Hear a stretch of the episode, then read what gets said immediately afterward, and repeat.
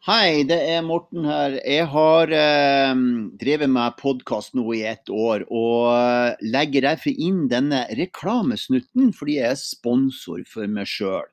Og den 21. januar så har jeg tatt tak i meg sjøl og hoppa uti det, og skal stå på Storsalen på Kulturverket Flammen i Nittedal og kjøre en trekameraproduksjon med Markus Film og Jon Ellar Brekke. Kasper skal være med. Og vi skal ha en livesending hvor vi har eh, spennende gjester. Og vi skal ha tre timer med transformasjon og endringsprinsipper som hjelper deg å sette nyttårsforsetter og intensjoner for 2021. Så du er hjertelig velkommen. Gå inn på mortennygård.no så får du se mer av hva den kvelden innebærer. Hjertelig velkommen.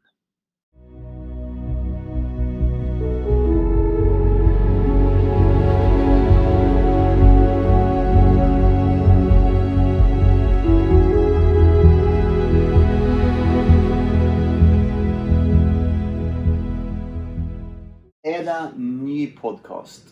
Og er jo så heldig at jeg har en person her i dag som jeg skrev en mail til for noen uker siden. Og så sier hun ja, hun blir med på poden. Og grunnen til at jeg er så nysgjerrig, det er jo fordi jeg har lest boka hennes. Og så har vi en felles venn som heter Øyvind Arneberg, eh, som har gitt ut boka hennes. Og da sitter hun her. Hun skal som alltid i poden min, hun skal få lov å presentere seg sjøl. Takk for det. Karin Mæland. Jeg er forfatter, filosof, foredragsholder, lærer. Jeg driver Akademi for indisk filosofi. Ble ferdig med en master i filosofi i 2019. Og før det så har jeg vært i India og studert indisk filosofi og sanskrit. Ja, så det er, det er på en måte bakgrunnen min. Og så, Før vi hoppa inn i boka, for jeg har lest boka og har uh, hørt litt om det, og, og så, så, skal vi, så, skal vi, gå litt sånn tilbake i tid. Så vi finner ut hvem hun Karin er for noe. så hvis, hvis, Når var det du begynte å interessere deg for uh, yoga og filosofi? Når var det jeg begynte? Jeg tror du kan si at jeg alltid har vært interessert i filosofi. Så lenge jeg kan huske. Uh, Idéhistorie, filosofi allerede Ja, på videregående skole leste jeg det. Jeg leste mye som barn. Var veldig opptatt av dette med å liksom, forstå, og var veldig glad i å lære. Ja. Så dette med tenkning, det har alltid på en måte ligget meg veldig nært. Ja, ikke sant. Ja. Uh, når det gjelder yoga og den indiske filosofien, så kom det ganske seint. Eh, jeg begynte å trene yoga, kan du si, da jeg var kanskje litt over 30. Ja. Uh, det betyr at nå er du Nå er jeg 47. Ah. Skulle en ikke tro. så det begynner å bli noen år siden, da. Ikke sant? Ja. Uh, og det som skjedde, det var at jeg begynte å interessere meg for den filosofiske bakgrunnen for den praksisen. Ja. Uh, og det resonnerte jo veldig med den interessen jeg har for tenkning og for filosofi som sådan. Ja. Så jeg begynte å, å, lese om det. Og etter hvert så reiste jeg til India for å studere det dypere osv. Så, videre. så Så ja, det var sånn jeg begynte med kan du si, indisk filosofi. Veien inn dit for meg, det var gjennom yoga. At det var det som trigga interessen for meg. Ja. Men du er lege også? Ja. ja. det er jeg. Og det Altså, jeg tok uh, medisin da jeg var ferdig med videregående. Ble lege. Og har jobbet som lege hele livet. Og jobber fremdeles litt som lege. Ja. Har du egen praksis, eller jobber på lege? Hvordan er det her? Jeg jobber som røntgenlege. Ja. Radiolog.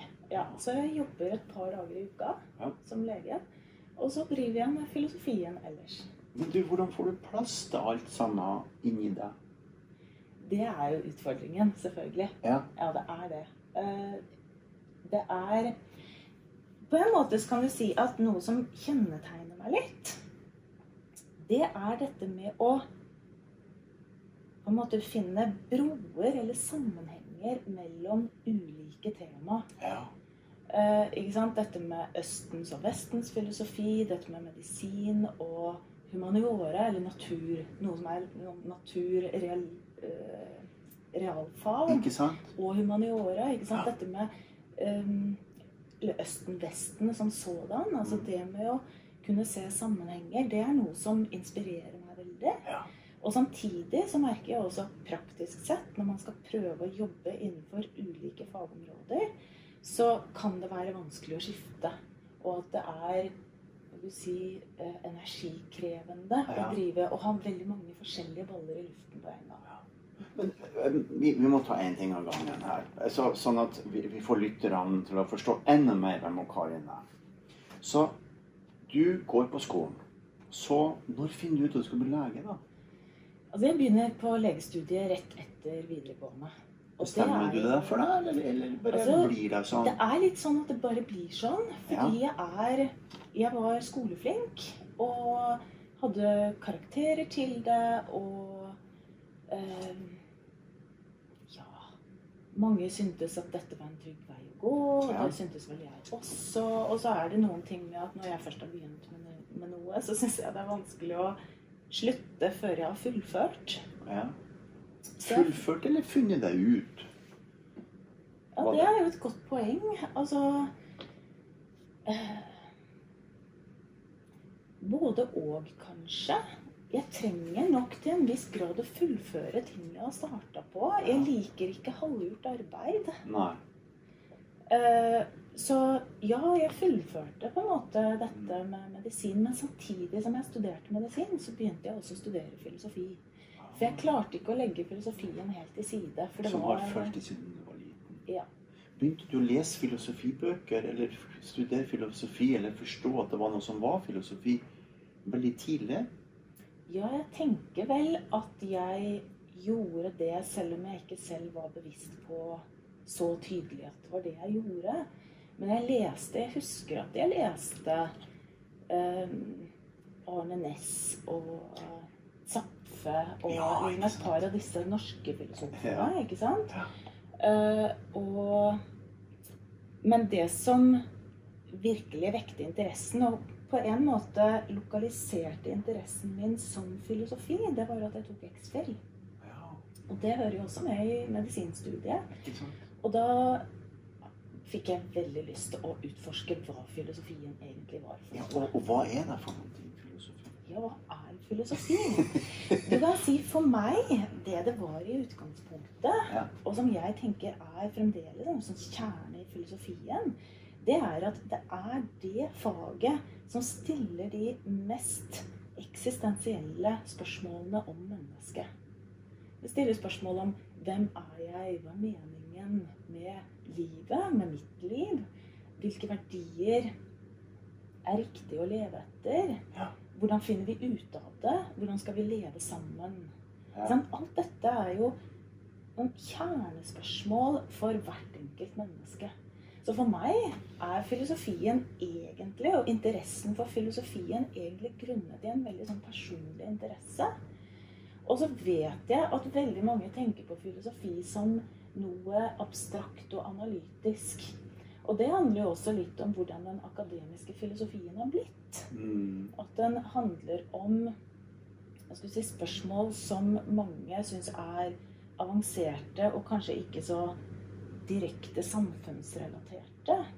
Men i hvert fall min interesse som brakte meg inn i filosofien, det var liksom kjernespørsmålene. Og at dette er faget man faktisk diskuterer det Ja. på en sånn um, skal vi si, systematisk måte.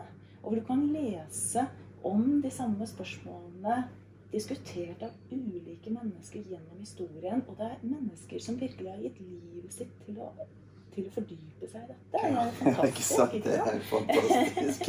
Mm, Ja, de man går virkelig inn i det. Ja. Ikke bare stilt spørsmål, men levd, levd spørsmålet på en måte. Levd spørsmålet. Og men du ja. sa noe artig her. Altså Østen og Vesten. Mhm. Og så sier du natur. Så de, der er tre sånne påler, hvis vi tar dem, da. Eh, Hva er, hva er sammenhengen mellom dem, eller ulikhetene, filosofisk sett? Um, noe som forener det hele, det er mennesket. Ikke sant? At hva er det som har betydning for mennesket? Mennesket lever i verden med en fysisk kropp og med et sinn. Ikke sant? Og um, du kan si som lege så interesserer man seg jo egentlig for begge deler. Du har jo både det psykologiske eller psykiatrien, ikke sant? sinnet og kroppen. Og på en måte så kan du si at medisinen er det som ønsker å bringe mennesket fra en sykdomstilstand til en normaltilstand. Ja. Og så kan du si at filosofien er det som tar utgangspunkt i mennesket som sådan, prøver å bringe det videre. Utvikle en dypere forståelse for hvem man er. Ja. Slik at en videre selvutvikling fra en hva skal vi si eh, frisk normaltilstand kan på en måte utvikles videre gjennom tenkning, eller for så vidt gjennom trening eller yoga eller andre metoder. Selvfølgelig kan man snakke om forebyggende medisin også, men, men der tenker jeg at man kan se sammenhenger. Og på en måte, eh, hvis du spør om Østen og Vesten, så tenker jeg at av at det er ulike kulturer, så er liksom tenkningssystemene litt forskjellige. Det tar tid å sette seg inn i en annen kulturs tenkning. Men man blir også slått av likhetene når man først begynner å fordype seg og se at mennesket er på en måte tiltrukket av de samme spørsmålene, ja. men at vi besvarer dem på kanskje litt ulike måter. Eller vi går frem for å besvare dem på litt ulike måter. Men, men hva har det her gjort med deg? Hvordan har det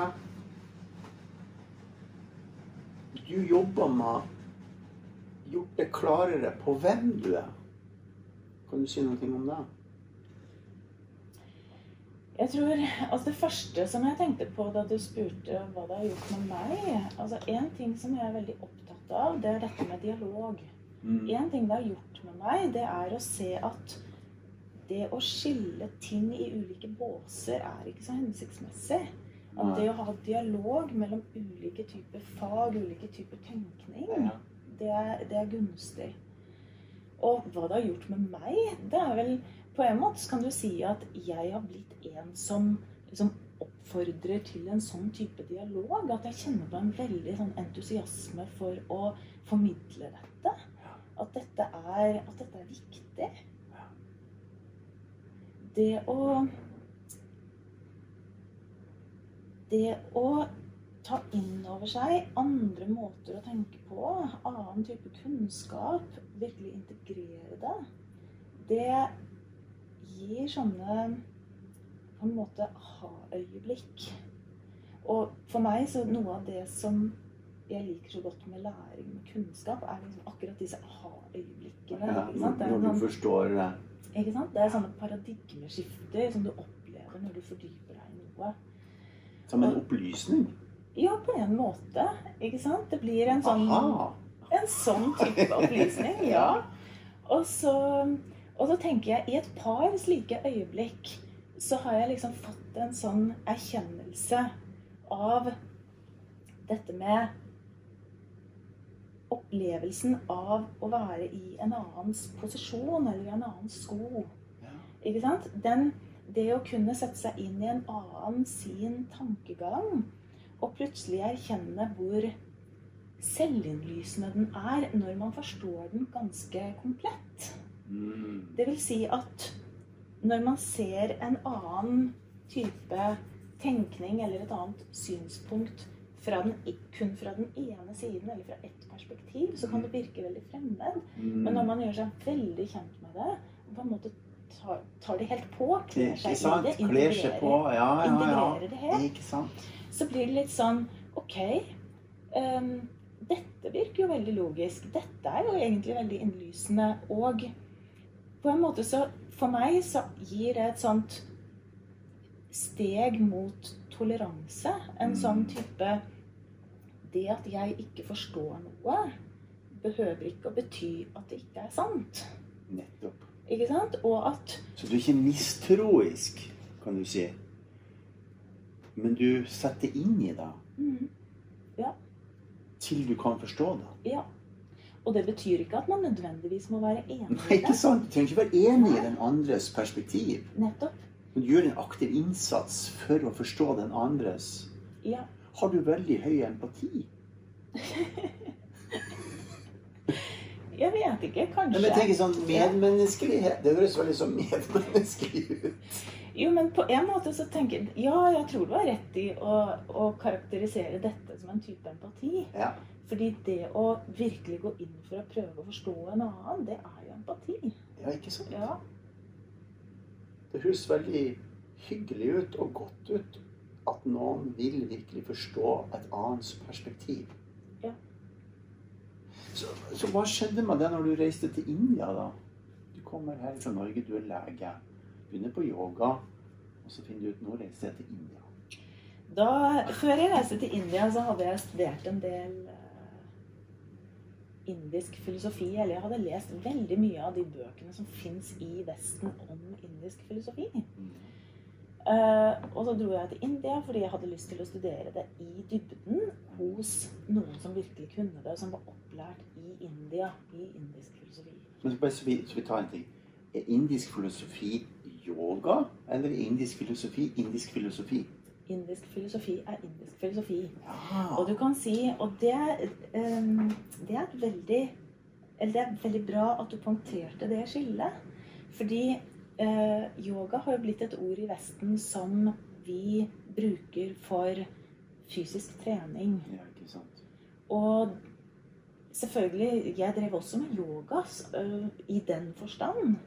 Men det som mest av alt interesserte meg, eller som på en måte også interesserte meg, det var på hvilken måte denne type trening, denne type fysisk aktivitet, Mhm. hang sammen, eller denne type praksis, Mm. hang sammen med dette tenkesettet. Mm. Og det er jo yogafilosofi. Mm. Og så kan man si at yogafilosofi er én type, eller én tradisjon, en skole innenfor indisk filosofi, som har ulike typer skoler. og Vi kaller dem for skoler eller tradisjoner. Buddhisme er en av dem. Mm. Vedanta er en av dem. Mm -hmm. Det er flere. eh, Så for å studere indisk filosofi, så har du vært innom alle de her? Jeg har vært innom en del av dem. Ikke alle. Nei. Men eh, klassisk yogafilosofi har jeg studert i dybden. Og litt nyaya, som er indisk logikk. Yes. Og vedanta, Ja. som også er Mange vil karakterisere det også som en type yogafilosofi, men eh, den er mer sånn rettet mot selverkjennelse og forståelse. Meditasjon, meditativ praksis. Ok, så du kommer altså til India. Nå eller vi er kommet til India. Hvordan er det å komme dit? Det er jo både kulturelt og kunnskapsmessig veldig annerledes. Hva, hva er forskjellen? Ehm, det som jeg møtte i forhold til formidling av filosofi, fascinerte meg veldig. Altså For det første så trodde jeg at jeg kunne mye om indisk filosofi da jeg kom Ah. dit. Og det kunne jeg ikke i det hele tatt. Det åpnet seg en verden for meg der som var helt enorm. Eh, og som jeg Jo mer jeg lærer, jo mer erkjenner jeg at dette er et felt som det er helt umulig å gripe. Det er på en måte som å prøve å gripe hele feltet innenfor vestlig filosofi innenfor en livstid. Det er ingen som kan det. De fleste velger liksom et filosofisk tema. ikke Ja. sant? På samme måte er det i India. Det er ikke alt man kan fordype seg i, fordi det er så enormt stort. Og det andre som, som jeg følte eh, skilte seg, det var at filosofien ikke bare ble formidlet gjennom teori. Den ble også formidlet gjennom teori, for det er veldig sånne de er like på en måte rasjonelle og strukturerte. Kan være det på samme måte som vi er i Vesten. Men det som de også gjør, det er å fortelle historier. De trekker inn mytologiske fortellinger. Mm. De har utenatlæring av tekster med melodi, som man kaller chanting. ikke sant? Man lærer utenat de filosofiske tekstene, så du bringer inn noe som er musikalsk. Eh, Så alle disse elementene fascinerte meg veldig, fordi det fikk meg til å føle at filosofien formidles til flere aspekter av det som er menneskelig. Ikke, bare intellektet, men noe som er liksom en kunstnerisk opplevelse, en fortelling. Og i tillegg så har du da dette med praksisen. At filosofien er ment å praktiseres. Så det er ikke bare en teori, bare i hermetegn, ikke sant? Men det er, en, det er en type tenkning som er ment å integreres. Mhm. Og gjennom en sånn type integrering, da, eller praksis, enten det er en yogapraksis eller en meditasjon eller annet, så kan man, mener man da i filosofien, selv oppleve, erkjenne, erfare at dette faktisk stemmer. Ja. Slik at det enkelte individet blir på en måte den som kan bekrefte eller avkrefte om denne teorien er sann. Slik at det ikke bare hviler på en sånn rasjonell 'dette tror jeg på', 'dette tror jeg ikke på', men den faktisk fungerer dette i et liv. Det er noe annet. Hvor lenge, hvor lenge var du i India? I løpet av en seksårsperiode så var jeg der i tre år.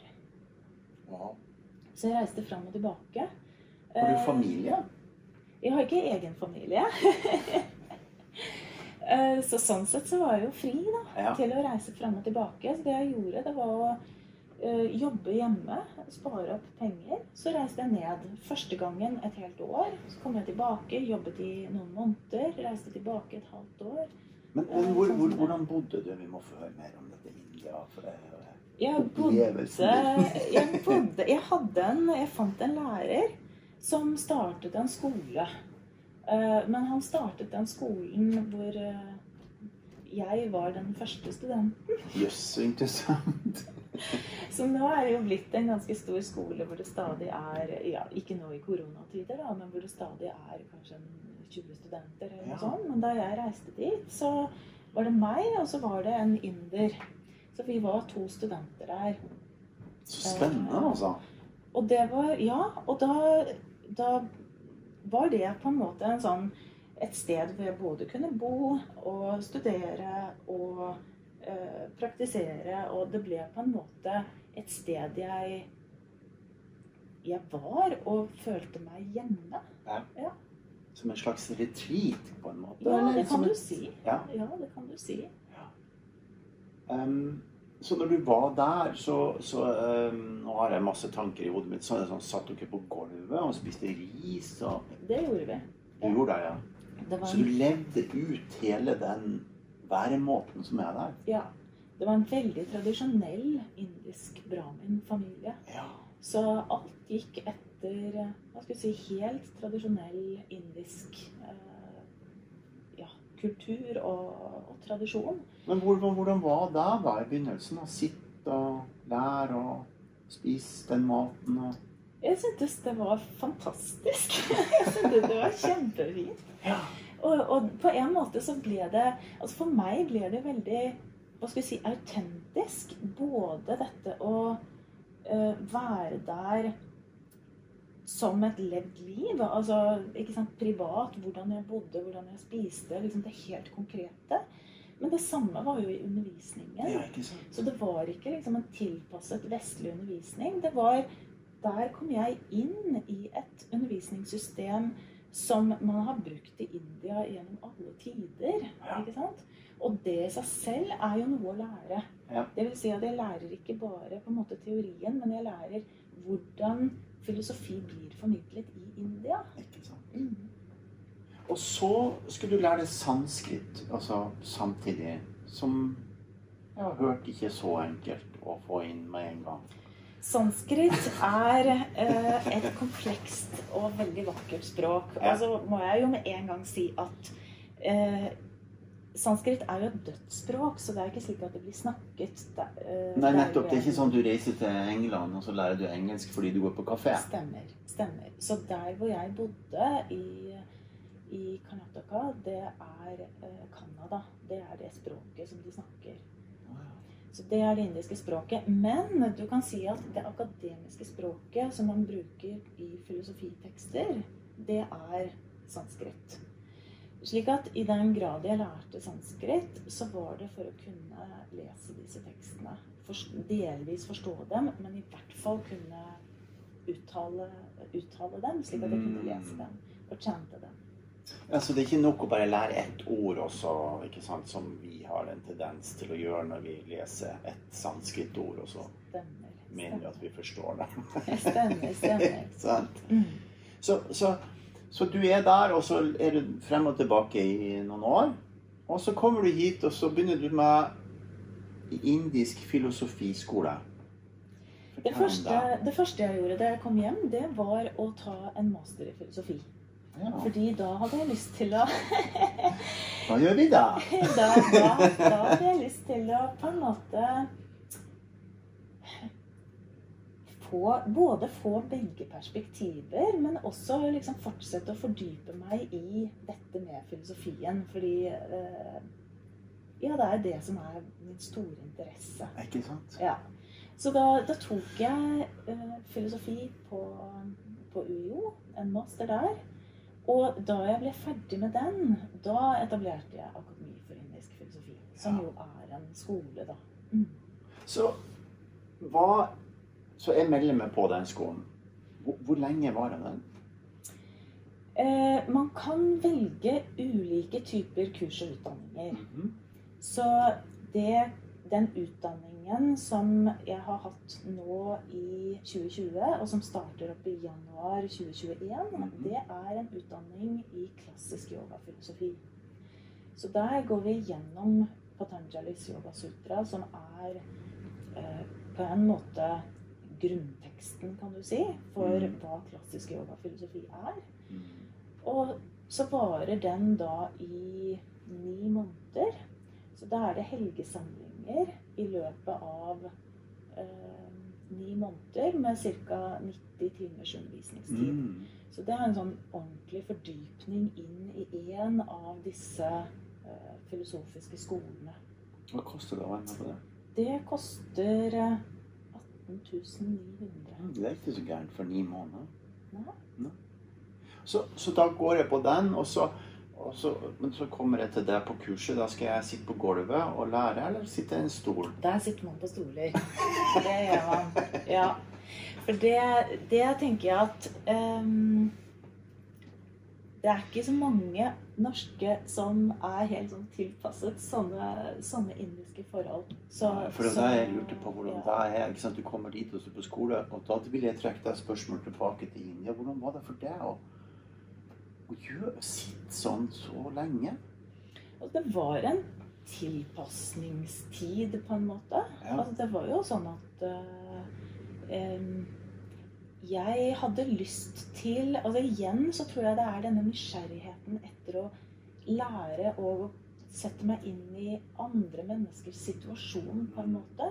Så jeg, jeg hadde lyst til å gjøre det på samme måte som man gjorde det i India. Sånn på ekte? Ja, på ekte. At det ikke ble liksom tilpasset Mm. eh, mer enn nødvendig, på en måte. For det er klart, tilpasset ble det jo i den grad at læreren min snakket engelsk, selv om det var et fremmedspråk for han. ikke sant? Og sånne ting. Så det er klart, helt autentisk kan det aldri bli når du kommer fra utlandet. Men i den grad, at, i den grad jeg kunne, så hadde jeg lyst til å oppleve det slik det er i India. Ja. Så, så der var det å sitte på gulvet og øh, gjøre notater og sånn, sånn som det. Men når jeg underviser her, ja, da sitter vi på stoler. Og nå i koronatid med god avstand God avstand, og så- sånn som vi gjør i dag. Nå skal jeg bare sjekke denne recordinga. Jeg, bare- jeg får alltid sånn midt underveis så vil jeg vite at alt sammen er perfekt som det skal være. Det er bra. Um, jeg har lyst til å gå tilbake til um, barndommen. Ok, Og, og grunnen til det, Karin, er at det slår meg med det når jeg møter deg, hvor enormt interessert du er i å lære og forstå ting. Og jeg lurer på når var det du oppdaga det her i deg sjøl? Hvor gammel var du? Det er veldig vanskelig å si, fordi um, spørsmålet er kanskje når man blir bevisst på sin egen liksom, nysgjerrighet. Mm -hmm. Jeg vet at jeg lærte veldig tidlig å lese. Um, og at jeg likte regneoppgaver og Altså, jeg, jeg syntes det var Jeg syntes Hva skal vi si Denne type tenkeutfordringer og det er morsomt. Ja. Uh, og som jeg sa i stad, jeg, jeg, har, alltid hatt liksom dette behovet for å forstå. ja. Uh, og jeg tror liksom Når du spør om hvordan det var da jeg var liten, for meg så tror jeg det var så selvfølgelig slik jeg var, at jeg ikke reflekterte over det. Mm. det uh, men på en måte så blir svaret jeg har vært sånn så lenge jeg kan huske. Mm. Men, men um, ble det kjedelig på skolen for deg? Forsto du så mye at det ble kjedelig, eller, eller var det ålreit å skjønne så mye? Jeg, for jeg skjønner jo at det er en veldig stor forskjell på meg og deg. Du forstår mye og har en enorm kapasitet til å ta inn veldig mye læring. Så tenker jeg, var det sånn at du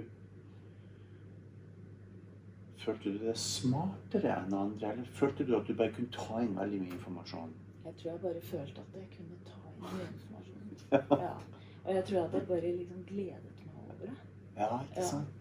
Jeg syntes skolearbeid var veldig kjekt. Ja. Ja, Veldig inspirerende det her, altså. syns du det? Ja, jeg syns, jeg syns det.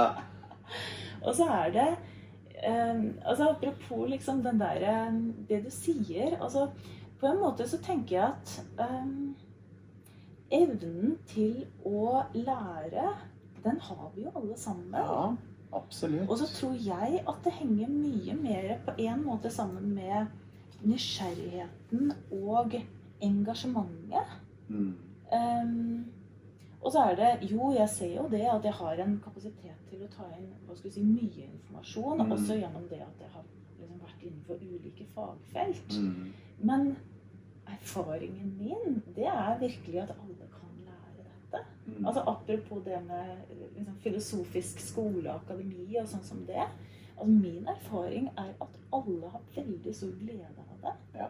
Når de først, altså, men at det som er på en måte um, kjernespørsmålet, det er har du nysgjerrighet og interesse for det. Ja. Og hvis du ikke har interesse for det, da, da er det jo ikke noe som driver deg til å ha lyst til å lære. ikke sant? Ikke sant? Og lyst til å forstå det. Ja. Men så går jeg på den skolen i et år, eller ni måneder, unnskyld. Um, dette blir sikkert et rart spørsmål, men jeg stiller det likevel. Hva skjer med meg da? I løpet av de ni månedene? Ja. ja. Jeg syns det er et veldig godt spørsmål. fordi det er jo egentlig spørsmålet hvorfor skal man ta en sånn type utdanning? Ja.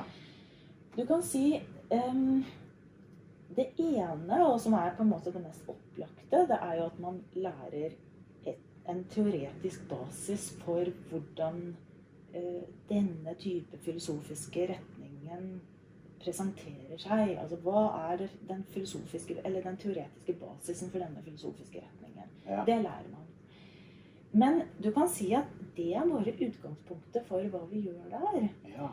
Eh, Fordi det å ha et begrepsapparat for å snakke om vanskelige spørsmål, eller sentrale spørsmål, eller eksistensielle spørsmål, det er en forutsetning for at vi skal kunne begynne å reflektere rundt det. Begynne å stille spørsmål hva mener jeg egentlig om dette? Mm. Fordi det jeg tenker, La oss ta eksempelet f.eks. verdier. Ja. Eh, alle mennesker har jo et verdisystem. Alle mennesker tar valg hele tiden basert på at de syns noe er bedre enn noe annet. Eller man velger et politisk parti i valg, f.eks. Basert på hvilke verdier man har.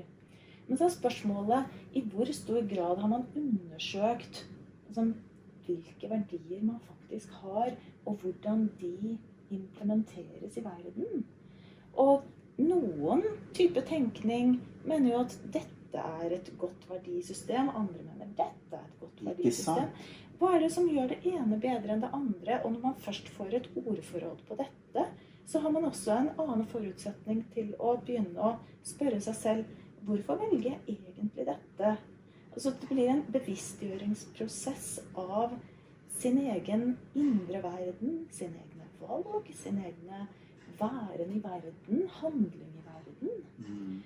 Og en evne til å si, diskutere dette med andre og gjøre det relevant si, i livsprosessen. Ja.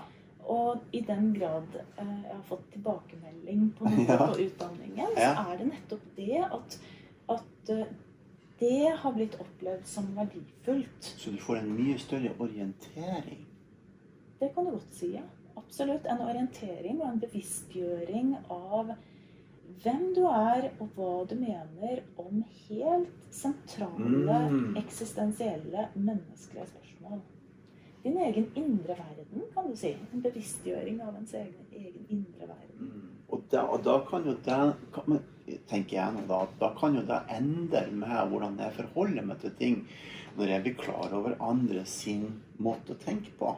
Det er akkurat det. Det er akkurat Som gjør at jeg kanskje får noen andre verdier. Det er akkurat det. Det er akkurat det. Og du kan si at det å gå gjennom en sånn bevisstgjøringsprosess, det er gjerne noe som forandrer det perspektivet du har på virkeligheten. Mm. Det er veldig vanskelig å gå gjennom en sånn type grundig læring uten at det har konsekvenser for hvem du er i verden, og hvordan du ser virkeligheten. Så man kaster seg jo på en måte ut i noe nytt. Ja. Samtidig så har jeg solid tro på at det å kaste seg ut i kunnskap, det vil alltid være bra. Ja. Fordi det å på en måte åpne for nye kunnskapshorisonter, det er jo det samme. ikke sant? Du får et bredere, større utsyn, du får oversikt, og du får et bedre, et, et annet perspektiv på hvem du er, og hva du opplever selv. Mm. Mm. Fantastisk. Og så, underveis, så skriver du bok. Ja. Så da hva, Kan du si litt om det? Hvordan ble det bok?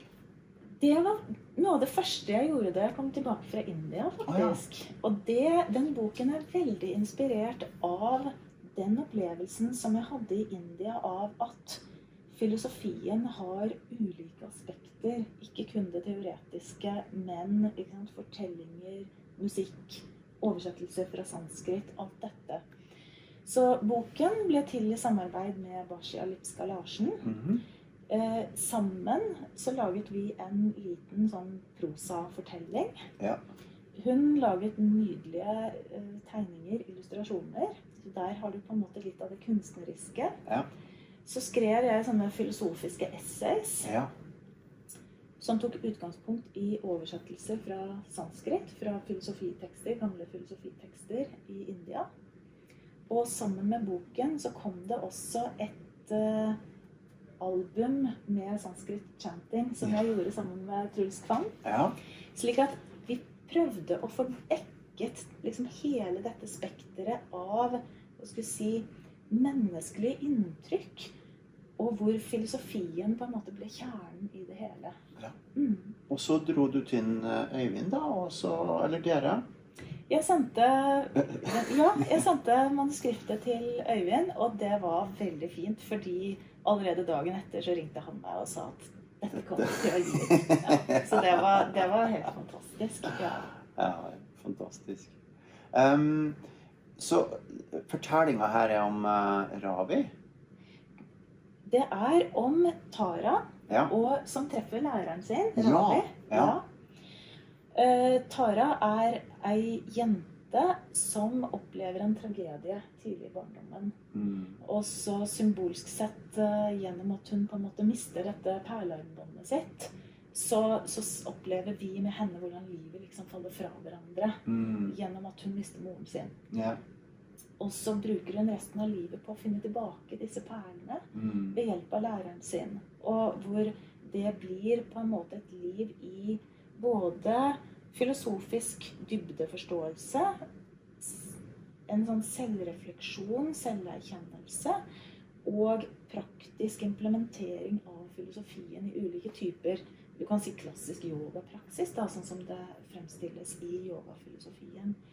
Og så kommer hun frem til en type erkjennelse på slutten av livet hvor hun har på en måte forstått og, erfart, og, og erfart det som er å forstå og erfare i livet. Er det her relatert til din livshistorie? Egentlig ikke direkte. Ikke direkte? Nei.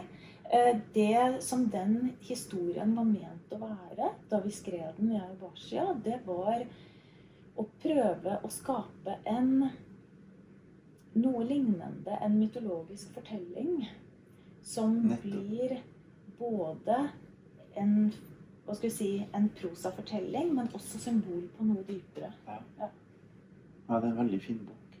Og så er den delt inn sånn du begynner med å si eh, om dette perlebåndet, men, men så er det sånn at den treffer læreren, og så er det Er det sånn at det er en åtte Hva var det? Den åttearmede Ja, det? åttelemmede Åttelemmede, praksis. ja. Kan du si litt om det, så vi får høre deg? Den åttelemmede praksis. Ja, for det er jo den, den klassiske ashtanga yoga. Ikke sant? Ikke ashtanga vinyasa yoga, som er en type eh, Hva skal vi si eh, Fysisk praksis. Men ashtanga yoga, ashtau anga, ikke sant? åtte lemmer på sanskrit, Mm. Eh, det er det som er den mest berømte praksisen fra klassisk yogafilosofi, fra Patanjalis Yoga Sutra. Ja. Så han beskriver da åtte typer praksis som man kan gjøre for å oppnå en sånn mest mulig komplett selverkjennelse. Eller frigjøring. Mm. Og det er da eh, etiske leveregler. Mm. En type personlig praksis. Asana, som er eh, da det de fleste kjenner som yoga. ikke sant? Fysisk yogapraksis. Ja. Pranayama, som er pusteøvelser. Pratyahara, som er det å liksom, trekke sansene tilbake. Ja. Og de tre siste, som er meditative praksiser. Mer og mer dype meditative praksiser. Så det er de åtte lemmene. Og det er på en måte det vi går igjennom da, i den boken, gjennom disse åtte perlene som en finner sant? igjen gjennom Ja. Så bruker hun disse typer praksis for å få en liksom, dypere og dypere forståelse av hvem hun er, Mm. og hva livet på en måte har å tilby, eller hva livet består av, hva som er meningen. Mm. Veldig, veldig, veldig spennende. Så det er liksom hva skal vi si, fortalt i henhold til hvordan yogafilosofien betrakter mennesket. Mm. Mm. Du, denne skjentinga som eh, er, det, er det lett eller vanskelig å lære seg? Det kommer litt an på hvordan Det er vanskelig å svare på. musikalsk, eller? Nei, det tror jeg ikke. Altså, det hjelper nok å være litt musikalsk. Mhm. Det hjelper å uh, kunne høre tonebildet. Mm. Fordi man lærer seg jo melodier. Men det kommer litt an på også hva slags type chanting man Altså det fins jo ulike typer tekster Mm. som da chantes på ulike måter. Mm. Så eh, Patanjalis Yoga Sutra f.eks. De har ikke egentlig en fast tone. Men når man lærer dem, så lærer man dem på en fast tone. For det er slik man lærer å huske dem. Ja. Så når jeg har lært Patanjalis Yoga Sutra utenat, så har jeg lært av min lærer. Og da har jeg chantet det så mange ganger at jeg kan det utenat. Og da blir det omtrent som en barnesang. Mm. Altså, du integrerer deg i det. Så du kan si at hensikten med å lære utenat det er jo noe som har forsvunnet mye fra vår kultur. Men hensikten med å lære utenat, det er å bære med seg kunnskapen. Det vil si at når noen spør deg om noe fra filosofien, så skal du ikke bare kunne denne ramsen av tekst utenat, men du skal vite hva hver enkelt av disse setningene betyr. Slik at du kan gå tilbake i hukommelsen til den setningen, referere til den, og pakke den ut og forklare den. Så på en måte så har du meditert syngende over dem. Ja. Det er akkurat det man gjør, faktisk. Mm. Det er veldig godt sagt. Mm. Mm. Men for lyd har veldig mye å si for yoga, altså vibrasjon. Ja. Kan du si noe om det? Altså, I India så har jo dette med mantra og lyd og sanskrit språk en veldig stor betydning nettopp av den grunnen som du sier. På en måte så kan du si at det også går tilbake til en, en forståelse av hva skal vi si ordets betydning. Det er, det er noe som vi kjenner litt fra vår egen kultur også. ikke sant? At i begynnelsen var ordet. Ja, Ikke sant? ja, ja. Eh, sånn at ordets makt, ordets betydning, det ligger veldig sentralt. Eh, man tror i India at sanskrit er et språk som bærer på eh, ulike vibrasjoner, slik at hva, hva slags type mantra man bruker, kan ha en type effekt. Mm. Det er jo noe som også er forsket på, og som man etter hvert kan si at ja, det stemmer. Men hvordan er det for deg? Hva, hva skjer med deg når du gjør disse forskjellige mantraene? Jeg tenker at Altså, for meg er chanting en viktig praksis på flere nivå. -hmm. Um, jeg tenker at det som vi har snakket om, det er på en måte det mest åpenbare. Det er litt sånn hvordan man kan bære kunnskap med seg. Mhm. Og så kommer det til noe som er mer personlig, og som også blir et valg for den enkelte, om man har lyst til å gjøre uh, chanting-praksis til noe som er hva skal vi si, personlig. Ah, Fordi når du refererer til det, liksom, hvilken betydning har det for deg, så blir det litt sånn type Ok, man kan velge seg et mantra og gjøre det til en praksis. mhm. Og da blir det som en meditasjonspraksis. Ja. Og det Mantra egner seg veldig godt til det. Og mantra har jo blitt brukt til det i India mange tusen år, så, så vidt man vet. Eh, Så det, og spesielt om, er jo et veldig kjent mantra da, ikke sant? Eh, Så det, det er jo en kjent praksis, og det Det blir jo anbefalt i flere typer eh, indisk filosofi å implementere en sånn praksis som nettopp kjenne på det, sånn som du sier. Mm. Og så tenker jeg at det vil jeg gjøre litt sånn opp til den enkelte å prøve ut og kjenne på. Ja. Fordi når det gjelder f.eks. meditasjon, så finnes det mange ulike metoder. Og det er ulike metoder som e- egner seg for den enkelte. ja, det er helt enig med deg. Altså. Men, men at mantrameditasjon er et alternativ, Ja. definitivt. Ja. Ja. Jeg, jeg bare sånn Jeg har reist en del opp til Finnmark og vært sammen med samer som faktisk bor inne på fjellet. Ja. Um, og de går jo og setter seg ned med elva. Og så joiker jo de sangen til faren eller bestefaren. Som påkaller den, det er nærværet til den vedkommende. Men de kan aldri joike sin egen. For det er egoisme. Du joiker aldri din egen. Så alle får sin joik vibrasjonsmessig i forhold til hvem de er. Mhm. Så det er altså tilpassa det enkelte individet. Akkurat. Men det kan de aldri gjøre sjøl. Men de kan joike Så de lærer seg pappa, mamma, far eller bestefar, søsknene sine. Så da påkaller de det nærværet.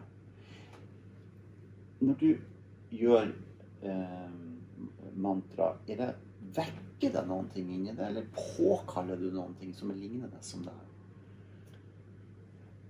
Jeg tror ikke det er helt sammenlignbart. Det er ikke sammenlignbart. Det er ikke sånn at du husker læreren din fordi at du Nei, det er ikke sånn. Det er ikke sånn. Eh, Men det som man har som muligheter når det gjelder mantra, det er mantra som er knyttet til ulike Man kan enten kalle det mytologiske figurer, Ja. Eller man kan tenke på det som hva skal vi si, energetiske arketyper. ja. Eh, Så der kan du kanskje tenke at det er noe sammenlignbart at hvis det er en type energetisk eller mentalt Altså et bilde av en mental type kraft Ja. som man har lyst til å kultivere, Ja. så bruker man et spesielt mantra for det. Og det har man kultur for. Og der har du ikke sant, noen sånne klassiske mantra som man kan bruke der da i forhold til f.eks. Ganesh, som er kunnskapsrik, som eh, sies å kunne fjerne hindringer for ulike prosjekter man gjør. Det er veldig vanlig. ikke sant? Og I India så har jo alle en liten ganesh på, på dashbordet i bilen, f.eks. Ja. Så, så det følger på en måte med en sånn type historie, en mytologisk historie rundt en figur. Men du kan også si at man tenker seg da at et slikt mantra bærer på en type energi som man forbinder seg med gjennom å chante. Mm. Så der kan du kanskje si at det er noe Mm. lignende. Mm. Det- Yogafilosofi um, sånn, sånn prosentvis um, Så det er hinduisme. Mhm. Men så har du studert buddhisme. Og Lite buddhisme. Mer, mer av den filosofien som tilhører det vi kaller hinduistisk Filosofi. ja, hinduistisk. hinduistisk. Så, det, så, så på en måte så er yoga tilhørende hinduistisk. Det er det vi pleier å klassifisere det som i Ja, Vesten. ja. Ja. Jeg syns at det kan være en litt sånn problematisk klassifisering, fordi med en gang vi kaller det hinduistisk, så har vi klassifisert det som religion. Nettopp. Og du kan si at noen av de filosofiske skolene som vi klassifiserer som hinduistisk type tenkning, de har ikke gudebilde, f.eks. De er ateistiske. Ja. De, er, eh, de er også veldig forskjellige. Ja. Og um, ja. Jeg tenker Jeg bruker nok konsekvent uh, en indisk filosofi istedenfor hinduistisk. Det er klart Buddhistisk filosofi er jo buddhistisk filosofi. Ja. Eh, men når det gjelder disse andre skolene, sånn som eh, Vedanta, Mimamsa, uh, klassisk yogafilosofi, Sankhya, så er det Det er på en måte sine egne filosofiske retninger, hvor flere av dem omtaler det guddommelige eller bevissthet eller sånt som det. Men det er ikke nødvendigvis likhetstegn mellom det og hinduisme.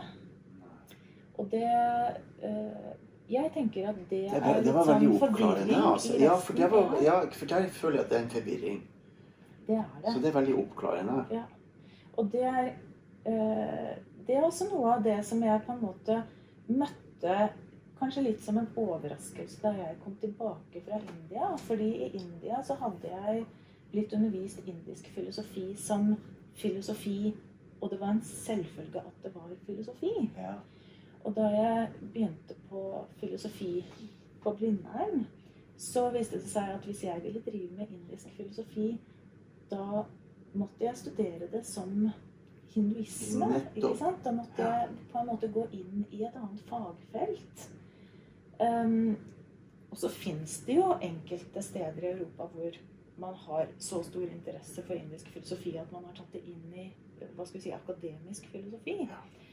Eh, Men det var noe som overrasket meg, at den kategoriseringen er såpass skarp i, eh, hos oss. Eh, og når det er sagt, apropos, så tenker jeg at det som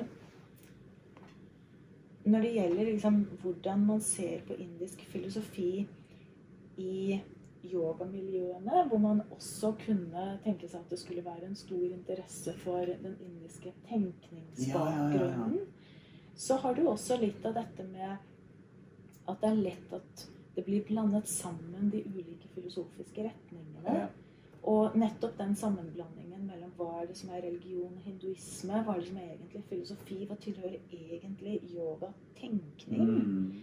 Slik at det å kunne separere dette fra Rydde litt opp i det. rydde litt opp i det, det er noe som jeg også eh, tenker at akademiet eller denne skolen jeg driver, kan ha liksom en, en rolle å gjøre. Ja, men jeg tenkte på det også, for det er også veldig rydda veldig opp i sånn eh, hvordan jeg setter det her i sammenheng, og hva jeg tror om det. Og som også gir meg noen sånne feedback på meg sjøl på hva jeg mener om det, og som også gir meg noen sånne verdier rundt det, Mm. som da vil løses opp og bli annerledes, når jeg skjønner forskjelligheten. Absolutt. Absolutt.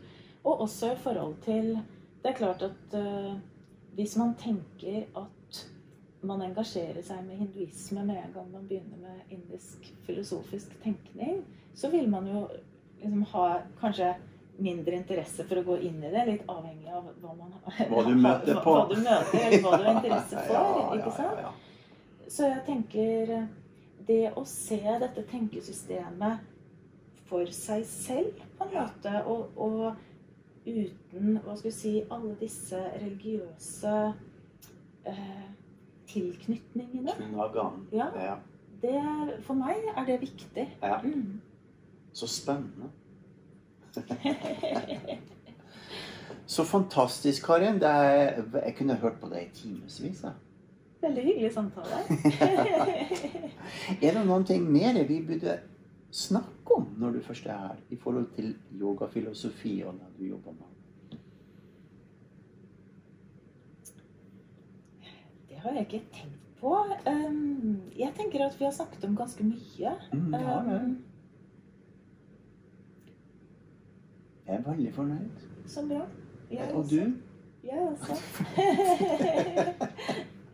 Så bra. Da, da sier jeg tusen hjertelig takk for så mye fin informasjon, og så oppklarende dette har vært. Takk for at du inviterte meg. Det har vært veldig hyggelig å være her. Tusen takk. så bra.